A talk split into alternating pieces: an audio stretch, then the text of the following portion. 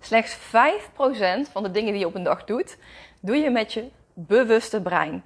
En dat wil dus zeggen dat 95% van de dingen die je op een dag doet, dat dat allemaal wordt aangestuurd door jouw onbewuste brein. En zo ook het nemen van een aankoopbesluit. Nou, wellicht heb je dit al vaker gehoord, dat dit wordt aangestuurd door, ja, door het onderbewuste.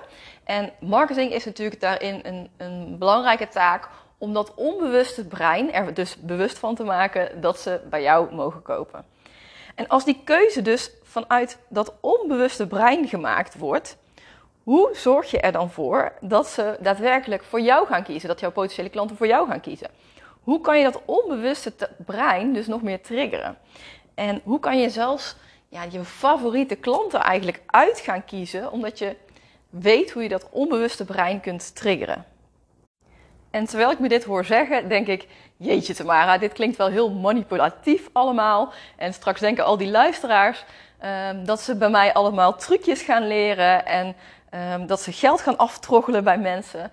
En zo zie ik dat eigenlijk helemaal niet. En ik heb ook besloten om in deze podcast een aantal voorbeelden te geven om je te laten zien um, in welk opzicht je dit dus wel manipulatief in kunt zetten en in welk opzicht je dit integer kunt inzetten. Want ja, weet je, zo zwart-wit is het allemaal niet. Uiteindelijk kun je alles wat marketing betreft manipulatief inzetten of integer inzetten. Dus uh, ik hoor wel vaker mensen zeggen van, van, van marketing, dat zijn allemaal trucjes en zo. Maar ik geloof dat het vooral belangrijk is om te kijken vanuit welk hart komt het en hoe zet je het in. Dat het niet zo zwart-wit is daarin om te zeggen iets is manipulatief of niet. Maar daar komen we dus zo meteen ongetwijfeld nog op terug. Om te beginnen wil ik uh, starten met een voorbeeld van iets wat gisteren gebeurde. Het is vandaag uh, vrijdag 16 december, net voor de kerst. En ik uh, wilde heel erg graag mijn nagels nog laten doen, zo vlak voor het kerst, kerstdiner en voor, ook voor mijn verjaardag, oud en nieuw. Dan, iedereen wil er toch een beetje leuk uitzien. Dus ehm, ik besloot eigenlijk gisterochtend van, wanneer moet ik dit nou nog doen? Michael is de hele week weg. Ik heb eigenlijk altijd de kinderen ongeveer. Dus wanneer heb ik nou in godsnaam nog gelegenheid voor de kerst om mijn nagels te laten doen? En ik kwam eigenlijk tot de conclusie dat die mogelijkheid er gewoon bijna niet meer was. De enige optie was eigenlijk als ik gisterenmiddag zou gaan om vier uur, uh, direct nadat Milan uit school was. En dat ik Milan ook mee zou nemen. En dat uh, Fenna die is, is dan bij mijn ouders. Dus dan kon ik precies in dat uurtje voordat ik Fenna zou ophalen bij mijn ouders, kon ik precies nog even naar mijn nagels laten doen met Milan erbij. Maar tegelijkertijd voelde ik me dus ook best wel een beetje schuldig. Want toen dacht ik van ja, wie neemt nou als moeder zijn kind mee om zijn nagels te laten doen? Dat is toch helemaal niet handig? En normaal doe ik dat ook helemaal niet. En dan neem ik tijd voor mezelf en dan moet hij zich daar zien te vermaken. Dat wordt natuurlijk helemaal niks. Dat wordt natuurlijk een drama. Dan kan ik daar natuurlijk helemaal niet rustig stilzitten. Nou, misschien ken je dit soort gedachten als moeder. Maar soms als je iets graag wil, ja, dan moet je ook een keer voor jezelf kiezen. Dus uh, zodoende deed ik dat dus gisteren. En besloot ik van, nou, ik neem hem gewoon mee en uh, ik geef hem een filmpje. Of ik, uh, ik zie het wel hoe het gaat, maar ik wil dit gewoon heel graag nog eventjes doen. Dus zodoende ging ik samen met Milan naar Den Bosch toe. Want dat is de, daar zit de nagelstiliste waar ik eigenlijk altijd mijn nagels laat doen. En ja, wij kwamen daar binnen. En uh, we gingen zitten en nou, als eerst was die, was die vrouw was eigenlijk helemaal ja, door het dolle dat ik mijn zoontje mee had genomen. Van jeetje, oh wat leuk en dit en dat. En ik had eigenlijk verwacht dat ze had gedacht van oh wat lastig, wat onhandig. En straks breekt hij de hele tent af. Maar daarentegen was ze dus heel, ja, heel erg leuk tegen mijn zoontje. En mijn zoontje was, uh, Milan, die was dus ook helemaal, ja, die, die vond dat ook allemaal leuk, die aandacht. En ze, gaf vervolgens ook direct een cadeautje aan Milan. Uh, en het was een of ander discobal, flikkerend lichtje. En als je op het knopje drukte, kwamen er iedere keer allerlei andere kleuren uit. En het ging door de, door de hele salon heen. En nou, Milan vond het echt fantastisch. En die ging direct op zijn stoeltje zitten met dat lampje. En die was de hele tijd aan het spelen. En die kwam ook bij mij kijken van, maar, van mama, wat ben je allemaal met je nagels aan het doen? En ja, die had daar eigenlijk best wel de tijd van zijn leven in die salon, dankzij dat lampje. Wat hij dus kreeg van die vrouw. Aan het einde, toen we weggingen, ik zal even skippen, want niet alles is natuurlijk relevant voor dit verhaal. Aan het einde van, van, uh, uh, van het hele uh, gebeuren, dus mijn nagels waren gedaan, toen wilden we weggaan en toen gaf ze ook nog, um, ja, misschien ken je dat, het een soort bos bloemen, maar dan van snoepjes. Best wel een groot ding met allemaal gekleurde snoepjes, zag er echt heel mooi uit. Um, gaf ze ook nog aan, aan Milan. Dus ik voelde me op dat moment best wel een beetje bezwaard, om heel eerlijk te zijn. Want ja, ik kreeg zoveel van deze vrouw. Ze, was, ze gaf een, een cadeautje aan mijn zoontje. Uh, ze, was aan het entertainen, de, mijn, mijn, mijn, mijn, zoontje Milan. Uh, ik kreeg nog eens een keer, of ja, mijn zoontje kreeg dus nog dat, die bos bloemen met snoepjes. En ik moest voor die nagels gaan betalen. En ik dacht echt van, ja, maar waar maak je nu nog winst? We krijgen zoveel cadeautjes. ik voelde me echt letterlijk bezwaard bij het afrekenen. En ik dacht ook letterlijk, wat kan ik nou terugdoen voor deze vrouw? Want wat ze doet is zo ontzettend aardig. En um, sowieso mag ik deze vrouw heel erg graag en hebben we vaker contact en kom ik daar natuurlijk best wel regelmatig. En um, ja, ik bedacht me ook dat ik dacht van, weet je, mijn moeder vroeg laatst aan mij, ken jij niet nog een goede nagelstylist? Ik ga gewoon uh, haar nummer in ieder geval doorgeven. Dus dat ik in ieder geval wat ik voor haar kan doen nu, is dat ik haar nummer ook geef aan iemand anders. En misschien aan nog wel iemand anders, zodat ze meer klanten daarin uh, in heeft. Dus doordat ik zoveel kreeg van haar, gebeurde er dus iets interessants. Ik begon zelf na te denken over hoe kan ik haar helpen. En ik weet natuurlijk uh, hoe het brein werkt. Dus ik uh, begrijp wat er gebeurt in mijn, in, in mijn brein, zeg maar. En zij deed dus eigenlijk onbewust, triggerde ze iets in mijn brein, waardoor zij geholpen werd. Door iets te geven. En uh, dat wil ik ook even aan je meegeven uh, met dit voorbeeld. Wat er dus kan gebeuren op het moment dat je dus iets krijgt van iemand. En misschien ken je dit principe wel, want de gratis weggever, hè, het gratis weggeven principe met een gratis e-book, die is natuurlijk heel bekend. Dit gebeurt heel vaak. Um, dat, uh, dat, dat, ondernemers bijvoorbeeld iets, uh, een aantal tips in een e-book gratis weggeven om zo ja, hè, mensen aan zich te binden, zodat, mensen, uh, ja, zodat je de klant kunt opwarmen om aankopersluit te nemen. En in deze podcast wil ik je dus meenemen dat dit is eigenlijk het principe van wederkerigheid. En dat gaat nog veel verder dan bijvoorbeeld een gratis e-book. En dat wil ik je laten zien aan, aan de hand van dit voorbeeld, maar ook aan de hand van nog meer voorbeelden en hoe jij dit dus in jouw bedrijf in zou kunnen zetten. Of in ieder geval jezelf er bewust van zou uh, kunnen zijn. Um, dat dit gewoon helpend is voor het nemen van het aankoopbesluit. Want wat hier dus gebeurde met mijn nagels. Um, is dus een stukje dat ik iets terug wilde doen. En wat je hier dus uit kunt leren, is dat het dus niet per se uh, te maken heeft met um, dat, uh, dat zij wilde dat ik iets bij haar kocht. Want ik was al aan het kopen bij haar. Dat is iets interessants om jezelf te beseffen. Maar ook dat wat zij aan mij gaf, dat was een cadeautje aan mijn zoontje. Dat had eigenlijk geen ene bal te maken met nagels. En het principe van gratis weggeven is natuurlijk, hè, ik geef een paar tips wat gaat over mijn expertise. En dan vervolgens zien ze dat ik daar goed in ben en dan gaan ze kopen. Maar het hoeft dus helemaal niet relevant te zijn uh, met jouw expertise, dat, dat wat je gratis weggeeft. En dat vind ik persoonlijk wel echt een hele interessante. Want dat biedt natuurlijk heel veel perspectieven. Dat je ook veel meer. Um, ja, die, die je veel breder kunt inzetten. En deze vrouw was zich natuurlijk helemaal niet bewust van het feit dat ze een heel krachtig marketingprincipe aan het toepassen was. En dan zie je dus ook aan de hand van dit voorbeeld dat het dus daadwerkelijk gewoon heel integer kan gebeuren, zoiets. En wat dus ook nog mooi is om deze conclusie hieruit te trekken. Ik als klant was me dus wel bewust van dat dit marketingprincipe van toepassing was. En toch werkt het. Dus ook al weet ik dat, uh, dat er iets gebeurt wat, wat in mijn brein zeg maar, logisch te verklaren is. Want het is logisch als je iets krijgt. Dan is het logisch dat je daar een soort van gevoel krijgt. Ik wil iets terug doen. Uh, zo werkt ons brein nou eenmaal. Maar toch kreeg ik nog steeds dat gevoel en wil ik dat ook nog steeds. Dus ik voel me dan ook niet gemanipuleerd of iets dergelijks. Dus dat vind ik ook wel interessant om er even bij te vermelden. Dan ga ik nu nog een voorbeeld geven, maar dan eigenlijk een hele manipulatieve. Uh, puur omdat ik het principe heel graag aan je wil uitleggen en dat het heel duidelijk is um, ja, hoe het werkt en ook wat dan de manipulatieve manier is om hem in te zetten. En daarna ga ik het vertalen naar hoe je het dan in jouw bedrijf kunt inzetten. Of in ieder geval dat je jezelf ervan bewust kunt zijn dat dit soort dingen dus ja, kunnen gebeuren om bepaalde redenen.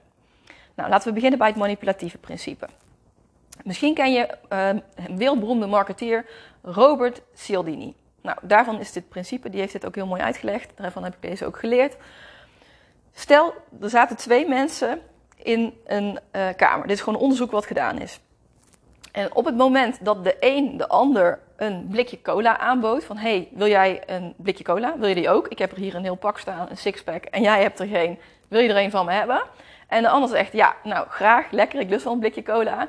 En hè, dus die krijgt dus een gratis blikje cola van de ander en die drinkt het op. En vervolgens zegt die persoon die dus de cola gaf van, van het sixpack, die zegt daarna, wil je dit bij mij kopen?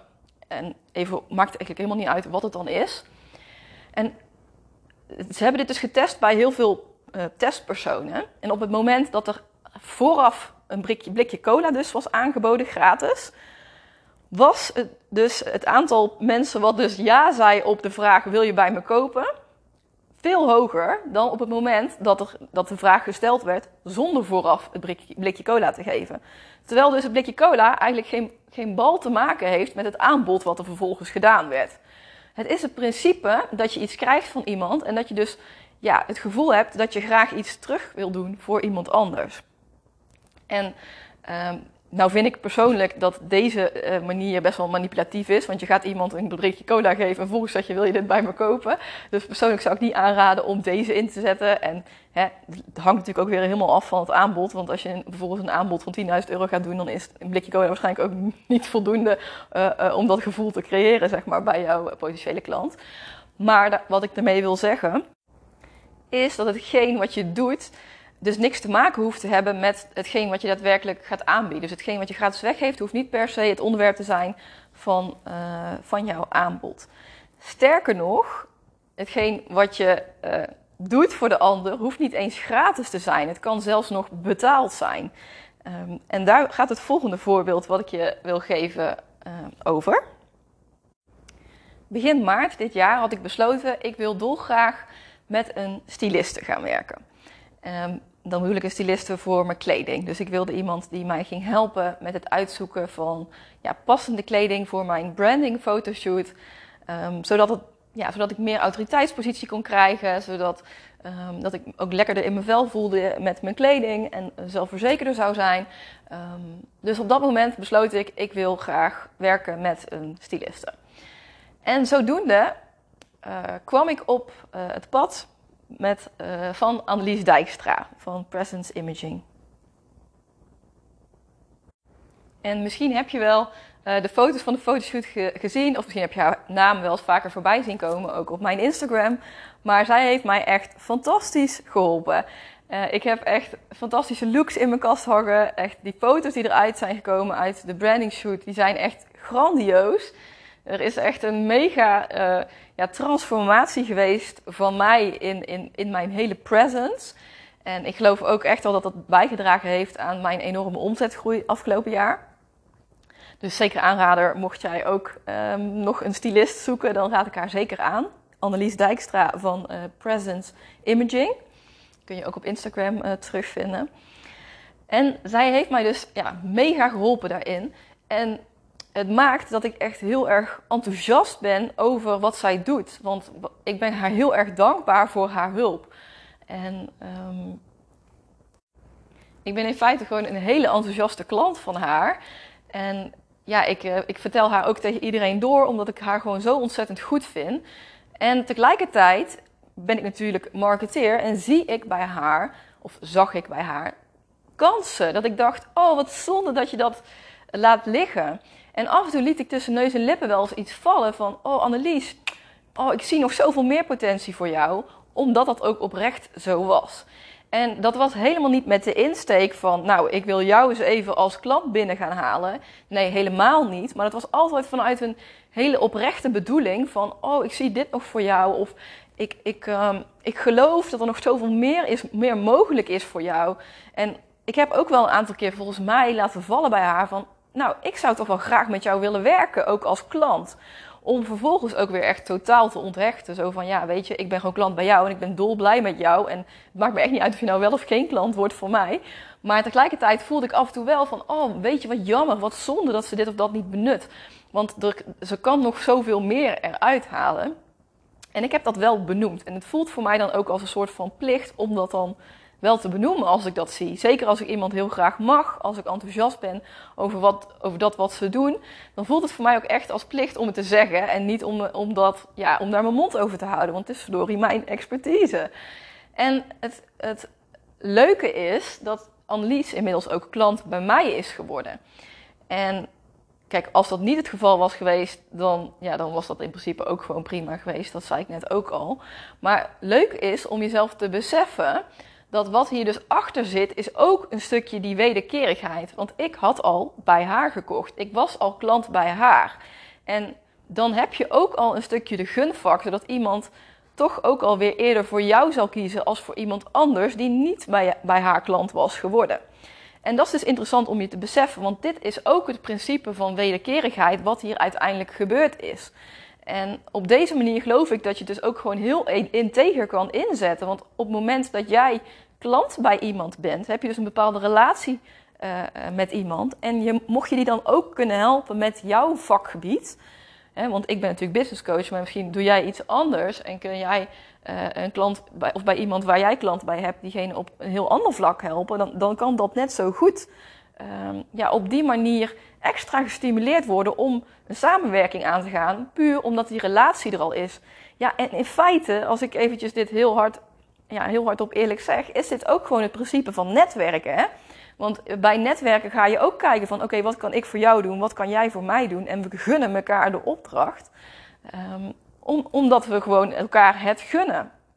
En zo werkt dat dus in principe ook um, ja, online. Dus ook daarvan kun je zelfs bewust zijn van bij wie ben ik op dit moment klant en wie zou ik eigenlijk heel goed kunnen helpen en bij wie zou ik daarvoor eens een keer een balletje op kunnen gooien.